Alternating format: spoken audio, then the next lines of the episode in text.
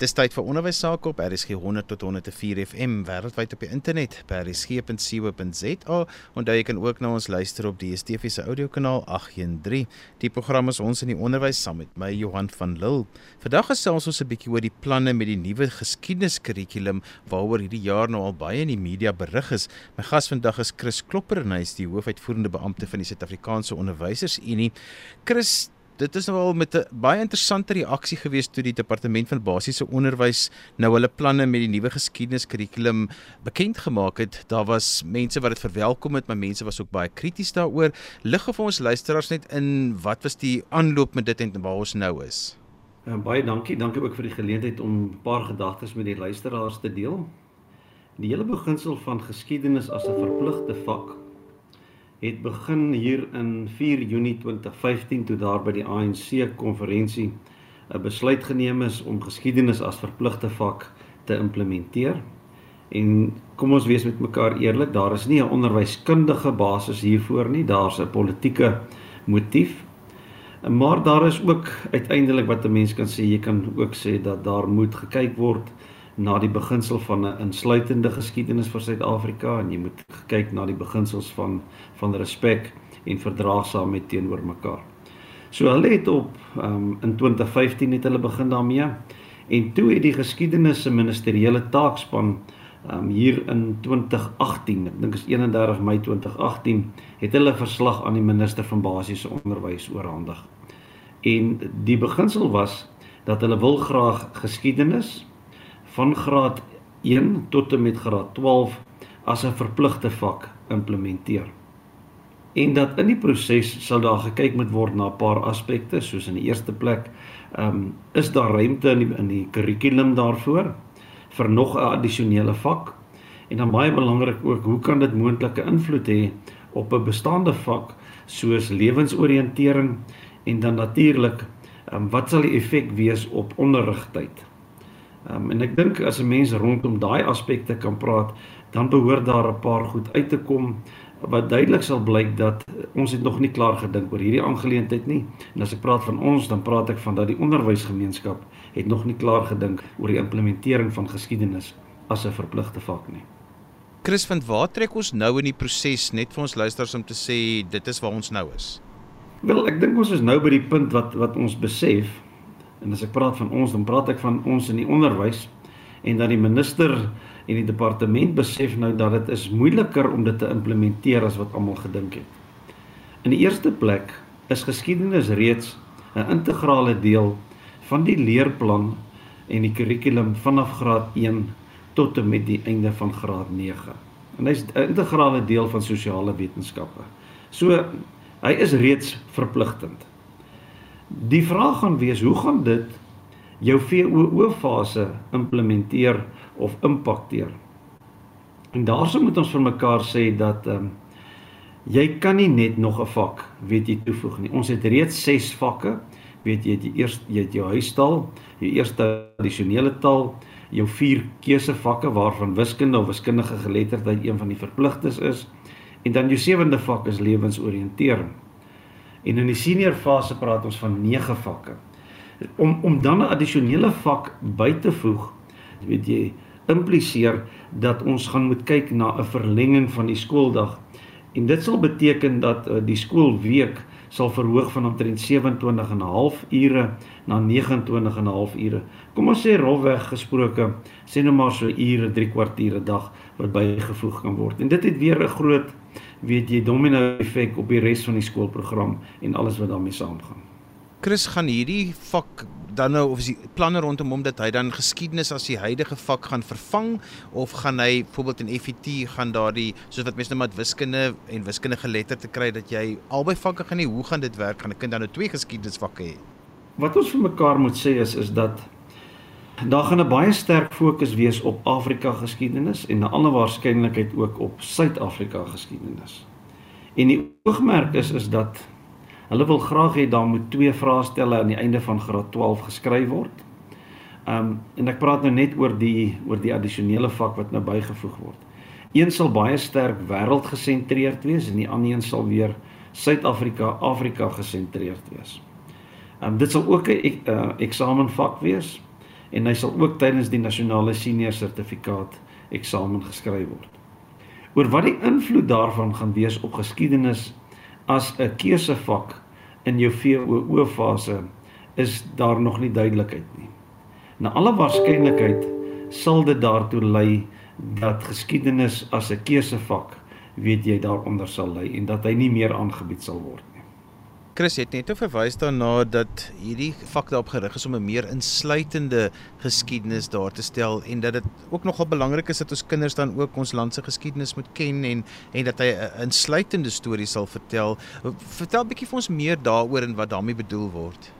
Kyk, 'n mens moet teruggaan na die breë beginsel van en 'n mens hoor dit baie deesdae, hulle praat van dekolonialisering. En die oomblik wat ons dit hoor, dan dink mense, "Jong, hier kom nou weer 'n ding wat alles van die verlede in Suid-Afrika net uitgegooi gaan word." Maar um, ons 2 jaar gelede was ons by die uh, internasionale konferensie van van Education International wat so 32 miljoen opvoeders uit omtrent al die lande in die wêreld verteenwoordig. En daar het ons agtergekom dat die begrip dekolonialisering is 'n internasionale begrip en dit vind in elke land omtrent plaas.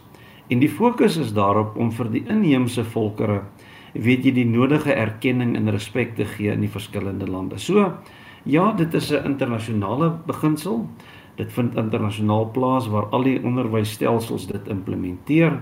Maar daar het ons ook baie duidelik agtergekom dat daar word deurgangs gesê daar moet gewaak word teen die verpolitisering daarvan. Die oomblik wat jy politiek inbring en jy hoor net die stem van een groepering, dit is wanneer die groot gevare ontstaan. So ons verwagting is ja, dit gaan kom.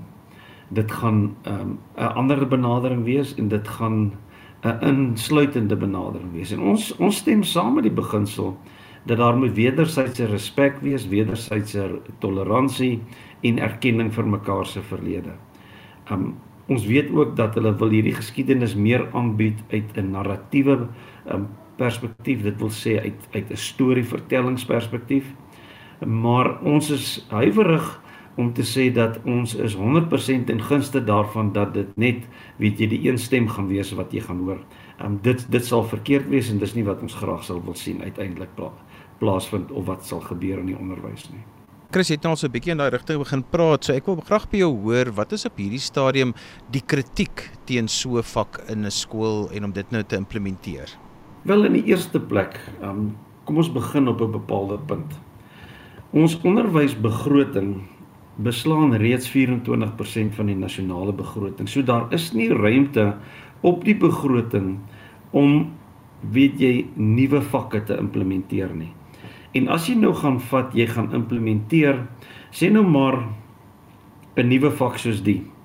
Omtrent 40% van die skole in Suid-Afrika is sekondêre skole.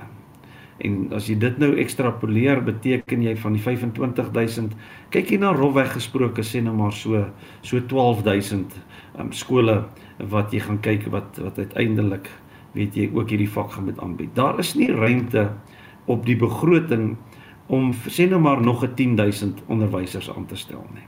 Jy moet dit ook evalueer teen die agtergrond dat die onderwysdepartement wil graad R en graad RR deel maak van die formele basiese onderwys ehm um, stelsel. Dit wil sê hulle kom in onder die grondslagfase. En dit impliseer dat by die 15000 primêre skole gaan hulle 25000 poste vir graad R vestig en nog 'n 25000 vir graad RR. Nou nou ek hoef nie 'n um, 'n Josef skleed aan te stel nie om te sê dat ek twyfel of daar ruimte op die begroting is vir 37000 addisionele poste. Um, ons sit reeds met 362000 poste in die stelsel en om dit net te wil opstoot, weet jy met 'n 20% na um, hier amper by 'n 400 000 poste. Daar is nie daai ruimte op die begroting nie. En as 'n mens nou mooi pragmaties hierna kyk, sal 'n mens moet sê waar lê die werklike fokus? Lê dit by geskiedenis as 'n verpligte vak of wil ons eerder aan die onderkant van die stelsel seker maak ons voer graad R en RR in want ons weet daarso maak jy groot bydraes tot die uiteindelike kwaliteit van jou onderwysstelsel. So dis die een aspek, die kwessie uit 'n finansiële aspek uit. Die tweede ene is daar is nie werklik ruimte op die in die huidige kurrikulum um vir hierdie implementering van hierdie vak nie en dit sal gepaard gaan met die opoffering van van die leerinhoud in sekere vakke.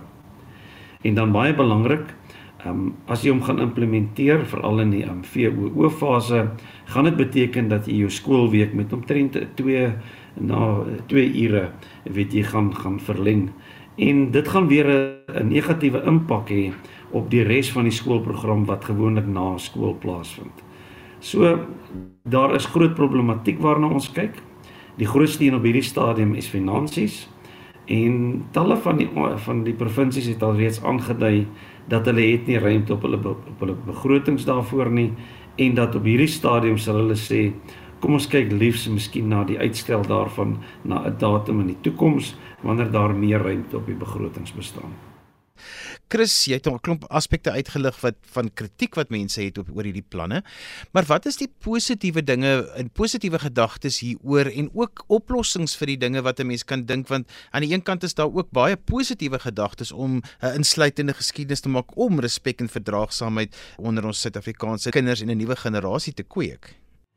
Ja, kom ek kom ons begin op 'n punt. Um een van die gedagtes was dat ons moontlik sal kyk om lewensoriëntering op te offer maar teen die agtergrond daarvan dat lewensoriëntering 'n wesenlike bydrae lewer um, op op 'n opvoedkundige gebied is daar besluit om te sê jongens kan nie lewensoriëntering opoffer nie ons sit reeds met 136000 weet jy um swanger skooldogters op die skoolbanke en daar is ruimte weet jy om vir hulle 'n hele klomp um lewensvaardighede en lewenswyshede aan te aan, aan te leer.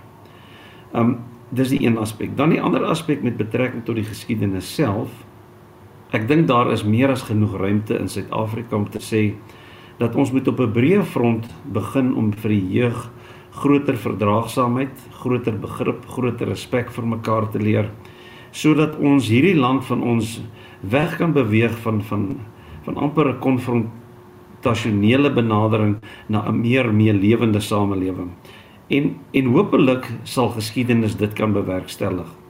En as die onderwysowerhede weet jy slim daarmee te werk kan gaan en dit nie 'n politieke kleur te gee nie, kan dit juis miskien mee help om dit te kan bewerkstellig. En ons oordeel dat in, as dit die doel is om groter begrip, groter respek, verdraagsaamheid te vestig, dan sal dit uiteindelik op die langtermyn 'n baie groot voordeel vir almal wees. Chris, dan wat vir my belangrik is om oor te gesels is die impak wat dit gaan hê op onderwysers. Wat jy gesê dan moet onderwysers aangestel word, maar baie onderwysers sal dit natuurlik ook moet aanbied by die skool en nie alle onderwysers is opgelei om geskiedenis as 'n vak te gee om dit tot sy reg te laat kom nie. So die metodiek van geskiedenis is iets wat nogal 'n uitdaging is om dit vir kinders so te gee dat hulle die geskiedenisbeginsels reg sal verstaan en dit is iets wat my nogal bietjie bekommer geen twyfel nie Johan, ek dink jy is heeltemal reg. Die feit dat ek en jy albei Afrikaans praat, sê nie dat ons is Afrikaanse onderwysers nie. Jy weet nie dat um, ons ons in staat is om Afrikaans huistaal te kan gaan aanbied nie. Net so beteken sal dit beteken dat onderwysers wat sê nou maar die geskiedenis goed ken, maar nie formele opleiding daarin gehad het nie, weet jy eintlik die vak meer skade sal aandoen. En dit het ons al baie keer gesien waar onderwysers gevra word om vakke aan te bied waarvoor hulle nie opgelei is nie en eintlik lei dit tot baie groot skade. En net so sal dit met geskiedenis die geval wees. Om dit werklik suksesvol te kan aanbied, sal dit daartoe moet lei dat by jou onderwysersopleidingsinrigtinge daar spesiale klem gelê sal word om geskiedenis ook as 'n vak te kan aanbied. En op hierdie stadium bestaan daardie groot ruimte nog nie. Ek weet daar is um, in terme van die van die van die B.Ed graad is daar ruimte wat gesê word dat jy in staat moet kan wees om sosiale wetenskap aan te bied. Maar ons praat nie hier van sosiale wetenskap nie. Ons praat hier van geskiedenis as 'n losstaande vak wat sy eie uitdagings het en dit gaan nie net oor die aanbied daarvan en dit gaan ook oor die assessering daarvan. En ehm um, soos ons almal weet met die geskiedenis wat ons uitkom is dat as jy net geskiedenis moet leer as 'n klakkelose feite stel wat jy onder die knie moet kry, dan maak jy dit die vak eintlik dood vir mense. En um, ek dink dis waar daar 'n besondere uitdaging sal wees. Chris, ek dink dit is vir alle onderwysers belangrik dat kinders respek en verdraagsaamheid moet leer en iets soos om die storie van ons land en ons mense insluitend te vertel en te leer. Dink ek is ook vir alle onderwysers belangrik of vir die meeste van hulle want ons weet ons wil vir kinders gebalanseerd grootmaak, ons wil hulle moet kultureel sensitief wees en al hierdie dinge. So is daar ander maniere behalwe om 'n vak geskiedenis in te bring wat dit ook by kinders gaan ontwikkel daar is 'n groot komponent van lewensoriëntering wat wat reeds daarop fokus waarin daar baie klem gelê word op die hele beginsel van kulturele sensitiwiteit. Um die hele kwessie van verdraagsaamheid en kennis van ander kulture, kennis van ander um samelewings en en na alle waarskynlikheid is dit 'n opsie om na te kyk en daarom weet ons was een van die opsies wat oorweeg is is om die huidige lewensoriëntering kurrikulum weet jy aan te pas om voorsiening te maak vir geskiedenis en meer spesifiek die Afrika en Suid-Afrikaanse geskiedenis om dit te inkorporeer. Maar die lewensoriëntering bevat reeds 'n groot komponent daarvan.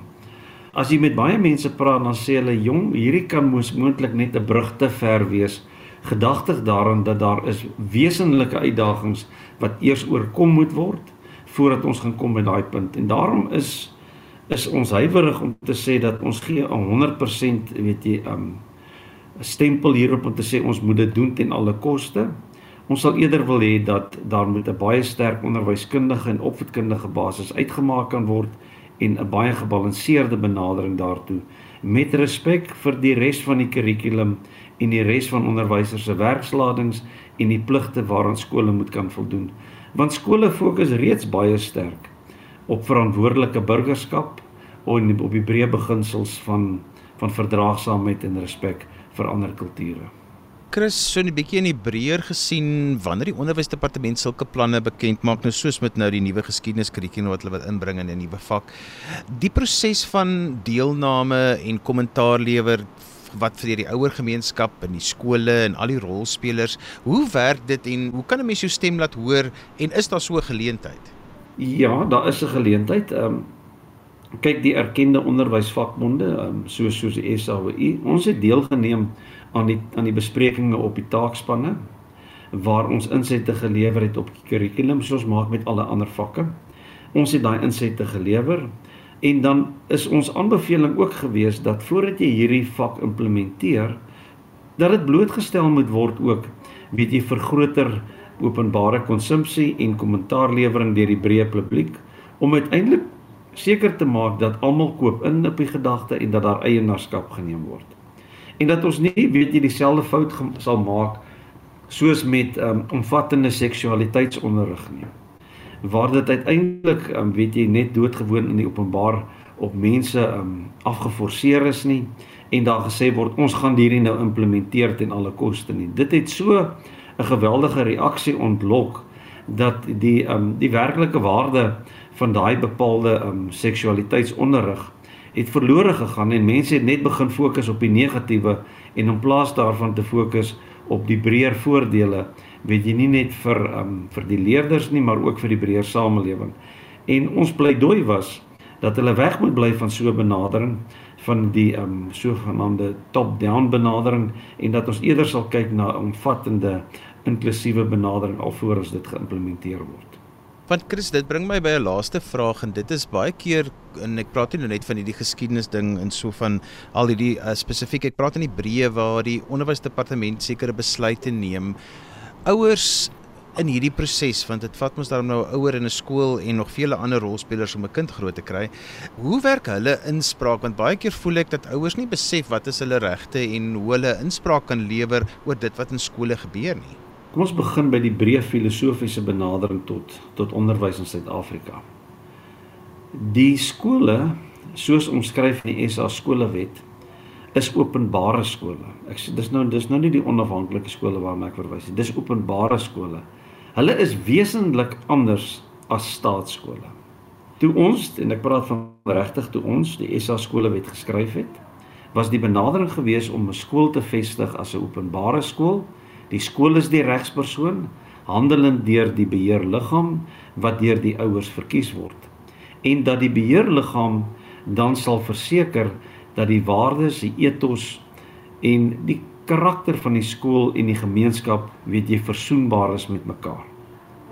En daarom is ons aanbeveling dat ouers by wyse van hulle beheerliggame en dat die beheerliggame dan deur middel van die erkende beheerliggaam organisasies dan sal insette lewer of insette versoek om te sê dat uh, hulle wil graag deelneem aan die openbare weet jy kommentaar en besprekingsprosesse en dat hulle sodoende weet jy hulle insette kan lewer op 'n demokratiese wyse maar deur middel van weet jy 'n erkende kanaal. En daar's by my geen twyfel nie dat indien um, ouers hulle beheerliggaam organisasies nader sal daai organisasies 'n baie sterk stem wees vir hulle om te verseker dat dit wat ouers graag wil hê by skole moet plaasvind ook gereflekteer word in daai kommentaar. Chris, kom ons som op. Wat sê ons vandag vir jou luisteraars oor die planne met die nuwe geskiedeniskurrikulum? Wel, ter opsomming sal ons sê dat indien die oogmerk is om 'n inklusiewe samelewing te vestig, die geskiedenis word aangebied op 'n gebalanseerde, respekvolle, inklusiewe basis, is daar groot voordele vir almal. En dat ons hoop en vertrou dat enige inklinasie, weet jy, tot 'n politieke narratief wat oorgedra moet word, sal vermy word. En so gesels Chris Klopper en hy is die hoofuitvoerende beampte van die Suid-Afrikaanse Onderwysersunie. Ons het vandag gesels oor die planne met die nuwe geskiedeniskurrikulum. Onthou jy kan weer na vandag se program luister as 'n potgooi, laai dit af by resgep.co.za. Skryf gerus vir my e-pos by Johan@vvmedia.co.za. Dan groet ek dan vir vandag tot volgende week van my Johan van Lille. Totsiens.